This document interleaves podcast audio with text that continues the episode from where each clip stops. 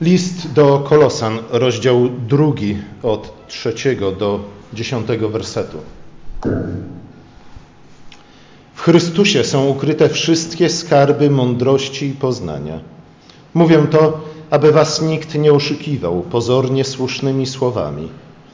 Wprawdzie ciałem jestem nieobecny, ale duchem jestem z wami i raduję się, gdy widzę wasz porządek i stałość wiary waszej w Chrystusa.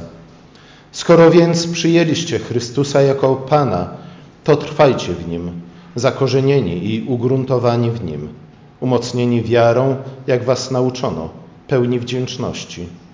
Uważajcie, żeby was ktoś nie zniewolił filozofią i próżnym zwodzeniem, opartym na przekazie ludzkim, na żywiołach świata, a nie na Chrystusie. W Nim bowiem mieszka cieleśnie cała pełnia boskości i w Nim macie pełnię. On jest głową wszelkiej zwierzchności i wszelkiej władzy. Oto Słowo Boże. Następnie kilka słów na temat samego listu do Kolosan, z jakiej okazji on został napisany. A generalnie rzecz biorąc, w liście do Kolosan apostoł Paweł odnosi się do poglądów tak zwanych judaizujących chrześcijan, którzy twierdzili, że chrześcijanie, podobnie jak Żydzi, muszą przestrzegać zasad Starego Przymierza, włącznie z wszystkimi jego ceremoniami, rytuałami, świętami, obrzezać się, oczyszczać. Paweł jednak przypomina o tym, iż Stare Przymierze wraz z jego ceremoniami było tylko typem i cieniem, było zapowiedzią nowego przymierza, które miało nastać wraz z nadejściem Mesjasza, czyli Chrystusa. Nie znaczy to, że w Nowym Przymierzu nie ma rytuałów, nie ma świąt, nie ma ceremonii, ale muszą one odzwierciedlać tę nową rzeczywistość Nowego Przymierza, a przede wszystkim fakt, że już nie oczekujemy na Mesjasza, ale żyjemy w świecie stworzonym przez Jego przyjście, śmierć i zmartwychwstanie. Przede wszystkim apostoł zwraca uwagę na spełnienie tej największej obietnicy Starego Przymierza, a mianowicie, że Bóg zamieszkał pośród nas. Bóg wcześniej już mieszkał między swoim ludem, ale mieszkał w inny sposób.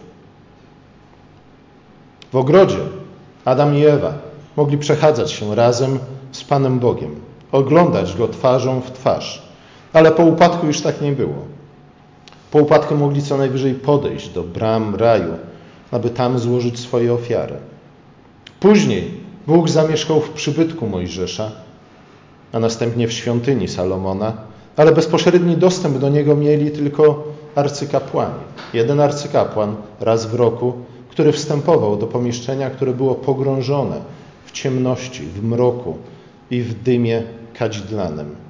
Zwykły Izraelita mógł co najmniej podejść do przybytku, do bram przybytku, tak jak Adam i Ewa mogli jedynie podejść do bram raju. A następnie drogę w miejsce wiernego odbywało zwierzę ofiarne. Pobożny, pobożny poganin nie mógł, nie mógł nawet w ten sposób zbliżyć się do Boga. W Chrystusie jednak wszystko to zmieniło się. Mówią o tym ewangeliści na wiele różnych sposobów. Myślę, że warto przyjrzeć się każdemu z tych sposobów, żeby lepiej zrozumieć, co to znaczy, że w Chrystusie to wszystko się zmieniło. Apostoł Jan w prologu, który przed chwilą słyszeliśmy, mówi, że Chrystus jest wcielonym Słowem, że to Słowo, które było Bogiem, to Słowo, które stworzyło świat, stało się ciałem i zamieszkało pośród nas. Apostoł Jan jednocześnie wyjaśnia nam, jak to jest możliwe, żeby Bóg stał się częścią stworzenia. A było to możliwe ze względu na to, że to samo słowo, które stało się ciałem, wcześniej stworzyło świat. Zatem świat jest w jakimś sposób refleksją tego słowa. To słowo ukształtowało ten świat i w związku z tym przygotowało świat na swoje wcielenie. W tym słowie, które zamieszkało w ciele, które stało się ciałem, ujrzeliśmy chwałę Ojca. Jan mówi: Boga nikt nigdy nie widział, lecz jednorodzony Bóg, który jest w łonie Ojca, objawił go. W nim mamy zatem dostęp do wszelkiego błogosławieństwa nieba, do wody życia, do mądrości Bożej. W nim staliśmy się dziećmi Bożymi. Jan w pierwszym swoim liście mówi, że mogliśmy go nawet ujrzeć, usłyszeć i dotknąć. Dotykając go, dotykaliśmy samego Boga. Dlatego Tomasz, widząc rany na ciele Chrystusa, mógł słusznie wykrzyknąć: Pan mój i Bóg mój. Już nie odbicie, już nie refleksja, ale sam Bóg zamieszkał między nami. Paweł podaje przyczynę, dla której rzeczywiście w Chrystusie spotykamy samego Boga.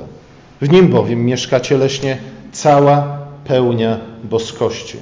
Czytamy w liście do Kolosan. Albo też cała pełnia bóstwa. Moglibyśmy też to słowo greckie przetłumaczyć, że w nim cieleśnie zamieszkał cały Bóg. Mówi cała pełnia. To trochę niegramatycznie. Ale apostoł Paweł używa, kaleczy trochę język po to, aby nam uświadomić, że tu nie ma absolutnie żadnej wątpliwości. Nie zamieszkała niemalże pełnia albo prawie pełnia, ale cała pełnia. Bez żadnych braków. Cokolwiek, czegokolwiek chcielibyśmy dowiedzieć się na temat Boga, w Chrystusie zostało to objawione. Patrząc na Chrystusa, słuchając Chrystusa, poznając Jego życie i Jego nauczanie, poznajemy samego Boga, tego kim Bóg jest. Poznajemy Jego naturę, poznajemy Jego charakter, poznajemy Jego umiłowania, poznajemy Jego dążenia i w pewnym sensie również tęsknotę. To, do czego Bóg zmierza w swoim działaniu. I słuchajcie, to była, moglibyśmy powiedzieć, bardzo rewolucyjna wręcz myśl. Ze względu na to, że inne religie nie w ten sposób postrzegały swoje bóstwa. To było w pewnym sensie nie do pomyślenia, aby odbyło się to, o czym czytamy w drugim liście, w drugim rozdziale listu do Filipian. Czy czytamy o tym, iż ten, który był Bogiem, stał się człowiekiem. Ogołocił się, uniżył się, przyjął postać sługi, nie tylko człowieka, ale sługi. I był posłuszny do śmierci, i to do śmierci krzyżowej. Na krzyżu pozwolił się wypchnąć z tego świata nam, którzy zostaliśmy stworzeni na Jego obraz, nam, dla których przyszedł i zamieszkał między nami. Zwykle zbawienie w innych religiach jest postrzegane w inny sposób. Właśnie jako uwolnienie od ciała, jako uwolnienie od, od tej fizyczności i materialności, w której żyjemy. Ale naszą nadzieją chrześcijańską jest zmartwychwstanie ciała, a nie nieśmiertelność duszy. Chrystus przyszedł na świat, który sam stworzył. Bóg stał się człowiekiem, pełnia boskości zamieszkała w ciele i słuchajcie, i do tej pory mieszka w ciele. Ona już zawsze będzie mieszkać w ciele, ze względu na to, że ten, który stał się dzieckiem, narodził się jako dziecko w Betlejem, ten, który umarł w ciele, ten również zmartwychwstał w ciele i w tym samym ciele wstąpił do nieba. Słuchajcie, to oznacza, to oznacza bardzo wiele rzeczy, ale to oznacza również to, że od tej pory, jak moglibyśmy powiedzieć, los trójjedynego Boga jest na zawsze splątany, złączony nierozerwalnie z naszym losem. Słuchajcie, jeden z trójcy stał się dzieckiem, jeden z trójcy umarł za nas na krzyżu i jeden z trójcy jako prawdziwy Bóg i jako prawdziwy człowiek nadal jest jednym z trójcy, a w nim również my możemy mieć udział w życiu trójcy. Zatem patrząc na Chrystusa, patrząc na wcielonego Syna Bożego, możemy poznać Boga, to kim On prawdziwie jest. I słuchajcie, to nie było takie proste, nawet dla pierwszego Kościoła, żeby z tą myślą się pogodzić. Nie tylko patrząc na wcielenie Chrystusa, ale również patrząc, a może szczególnie patrząc, na ukrzyżowanego Chrystusa, na jednego z trójcy, który umierał na krzyżu.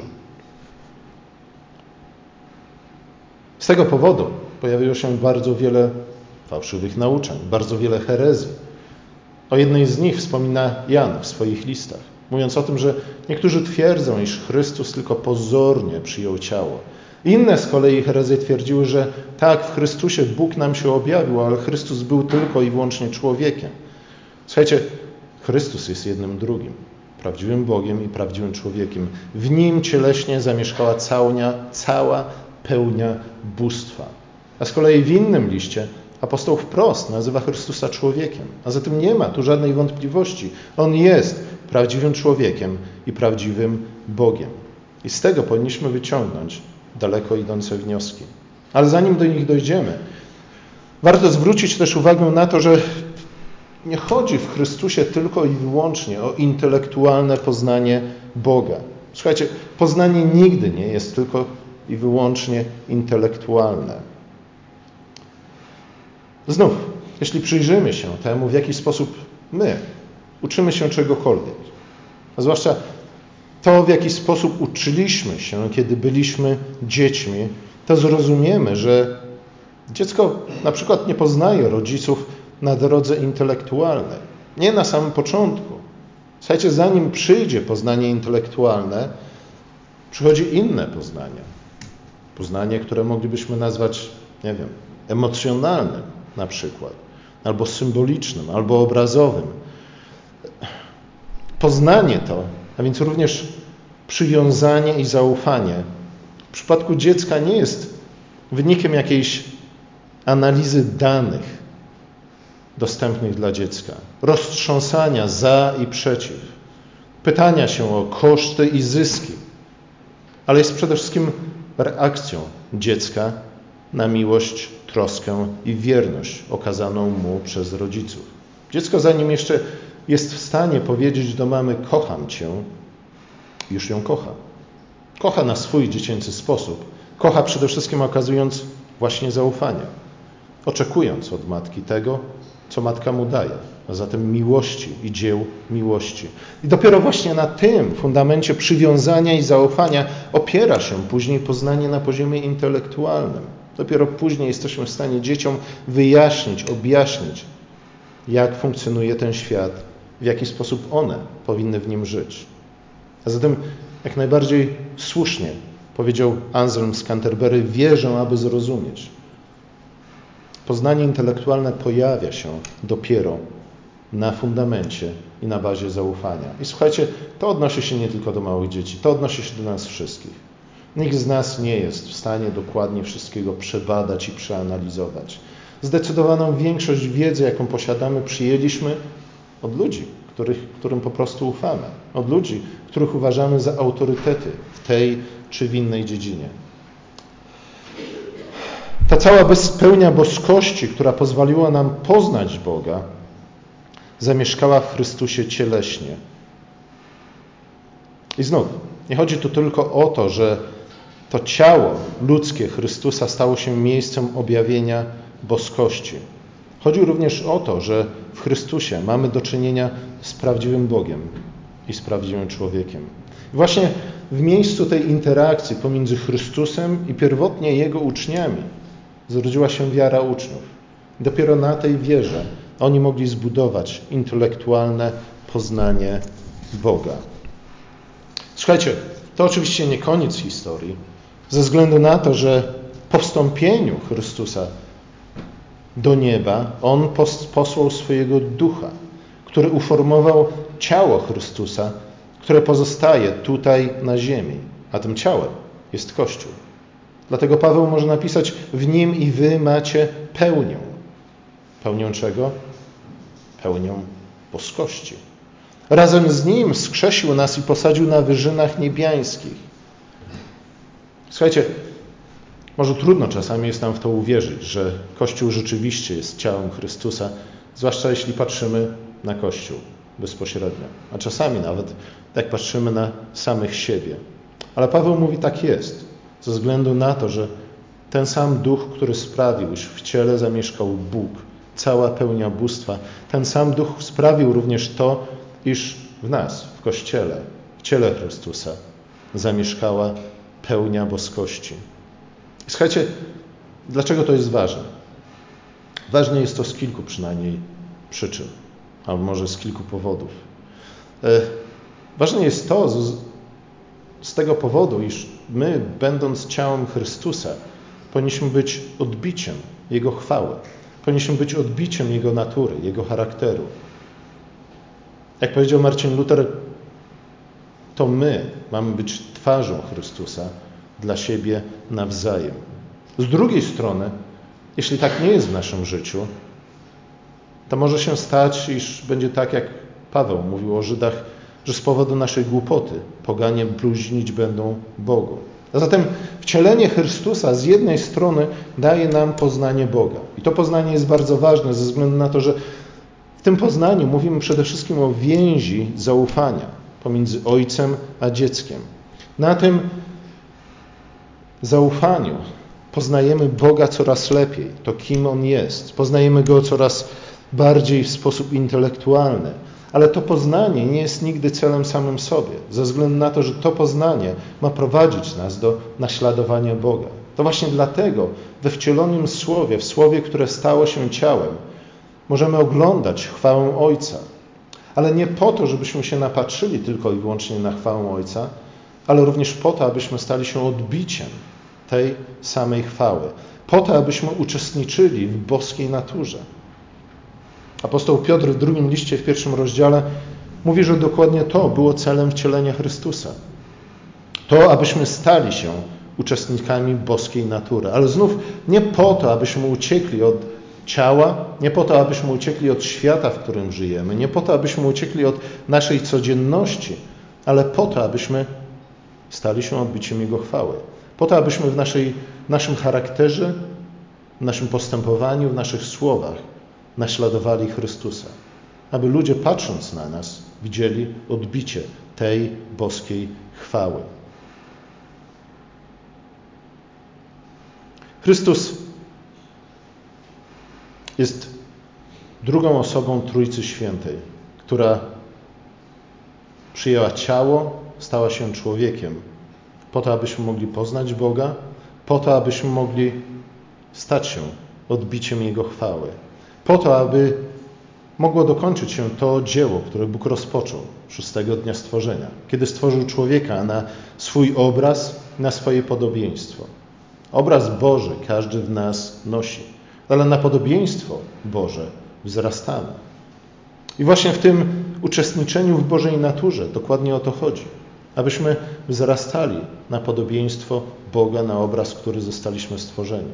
Cóż to oznacza? Znów te wszystkie teologiczne, zdawać by się mogło, trochę może nawet abstrakcyjne rozważania na temat wcielenia Chrystusa czy wcielenia Boga Syna prowadzą autorów Nowego Testamentu zawsze do pewnej etycznej refleksji. Oni zawsze to przykładają na to, co w związku z tym mamy czynić, jak w związku z tym mamy żyć. W liście do Hebrajczyków w drugim i w czwartym rozdziale ktokolwiek napisał ten list, stwierdza, iż Chrystus stał się jednym z nas, upodobnił się pod każdym względem do braci, a więc do nas, aby stać się miłosiernym i wiernym arcykapłanem dla pojednania za winy ludy. Dalej mówi, mamy arcykapłana, który nie potrafi, nie mamy arcykapłana, który nie potrafiłby współczuć w naszych słabościach ale takiego, który podobnie jak my doznał tego wszystkiego, czego my doznajemy, z wyjątkiem grzechu. Słuchajcie, jeśli Chrystus nie był prawdziwym człowiekiem, to w pewnym sensie te słowa nie mają racji bytu. Chrystus stał się prawdziwym człowiekiem i dlatego mógł uczestniczyć w tym wszystkim, w czym my uczestniczymy. Jego życie było normalnym życiem ludzkim. Być może dlatego nie stąpił z nieba już jako dojrzały mężczyzna, ale po prostu urodził się najpierw jako dziecko. Był zdany na miłość, na troskę swoich rodziców. Maria musiała mu zmieniać piluchy i robić całą resztę, którą każda matka robi, aby wychować swoje dziecko. Słuchajcie, Chrystus przeszedł przez to wszystko. Co więcej, on miał udział we wszelkich naszych ludzkich słabościach i w związku z tym jest w stanie nam współczuć. Ale kiedy czytamy tutaj o tym współczuciu, to nie chodzi tylko i wyłącznie o to, że on po prostu lituje się nad nami, ale właśnie o współodczuwanie, o empatię. Dla Chrystusa rzeczywiście nic, co ludzkie, nie jest obce, ponieważ on przez to wszystko przeszedł. Słuchajcie, to jest ważne. Między innymi z tego względu, iż nie tylko możemy mieć ufność, że Bóg nas rozumie, choć jest Bogiem transcendentnym, choć, choć jest Bogiem w pewnym sensie całkowicie odmiennym od nas, on nas rozumie, On nam współczuje, On współodczuwa razem z nami, On doskonale wie, przez co my przechodzimy. A słuchajcie, znów, na tym współodczuwaniu nie mamy się zatrzymać, ze względu na to, że Chrystus współczuje nam po to, aby nam pomóc w naszym dojrzewaniu i dochodzeniu do pełni obrazu Bożego. Po to, abyśmy mogli coraz pełniej stawać się uczestnikami Bożej natury po to, abyśmy coraz lepiej odzwierciedlali Jego chwałę w tym świecie. Po to, abyśmy, kiedy ludzie patrzą na nas, na to, jak my żyjemy, na to, jak się do nich odnosimy, słyszą nasze słowa, coraz wyraźniej widzieli w nas Chrystusa. Celem zamieszkania tej całej pełni boskości w Jezusie było zjednoczenie nas z Bogiem. Ale to zjednoczenie nas z Bogiem nie polegało na oderwaniu, czy też wyrwaniu, wyzwoleniu, zabraniu nas z tego świata, wyzwoleniu nas z tego ciała, tak jak nauczał na przykład Platon. W jego nauczaniu w ten, na tym miało polegać zbawienie, na uwolnieniu duszy, czy też ducha z więzienia, którym było ciało. Nie. My wraz z naszymi duszami i z naszymi ciałami jesteśmy zjednoczeni z Chrystusem a w związku z tym z całą Trójcą Świętą na zawsze. Nasz los związany jest z Jego losem. On jest naszą głową, my jesteśmy Jego ciałem. Przez co On przeszedł, przez to również my musimy przejść. Ale to oznacza, że tam, gdzie On jest, tam również my będziemy. Jego powołanie jest naszym powołaniem. Jego chwała jest naszym chwałem. A jest to powołanie właśnie to, które na samym początku otrzymaliśmy w Adamie i w Ewie przy ich stworzeniu. Jest to powołanie, abyśmy napełniali świat poznaniem Stwórcy, przemieniając ten świat z chwałą, z chwały w chwałę. Jak widzimy to na przykładzie sześciu dni stworzenia. Właśnie w ten sposób, nie w oderwaniu od codziennego życia, nie w oderwaniu od tego ciała, a nawet nie w oderwaniu od wszelkich pasji, pragnień, dążeń, a także słabości, z którymi mamy do czynienia, objawia się zbawienie w Chrystusie, ale właśnie w nich i pośród nich. Chrystus, Bóg, który stał się człowiekiem, uczestniczył w tym wszystkim, przeszedł przez to wszystko, ale ponieważ On jest głową ciała, Kościoła, do którego my należymy, On nadal w tym wszystkim uczestniczy. On przechodzi przez te wszystkie słabości, trudności, wyzwania, a nawet doświadcza tych samych pokus, które my doświadczamy, nie ulegając im. Właśnie dzięki temu, że jesteśmy zjednoczeni z Nim, przyjdzie dzień, kiedy również my przestaniemy im ulegać. W naszym odbiciu boskiej chwały nie będzie już żadnego zaćmienia. Będziemy doskonałym odbiciem boskiej chwały. O tym przypominają nam święta Bożego Narodzenia. Nie chodzi tutaj tylko i wyłącznie o narodzenie dziecka, chociaż również. Bardzo wiele możemy się nauczyć na temat tego, kim są dzieci, w jaki sposób, zwłaszcza my, dorośli, powinniśmy się do nich odnosić. Te święta przypominają nam przede wszystkim o tym, że nasz los jest związany z losem trójjednego Boga. Bóg zamieszkał pośród nas. Możemy Go oglądać, możemy Go poznać w Chrystusie. I dobrze by było, jeśli moglibyśmy Go poznawać, jeśli moglibyśmy Go usłyszeć, jeśli moglibyśmy Go również dotknąć w sobie nawzajem. Amen.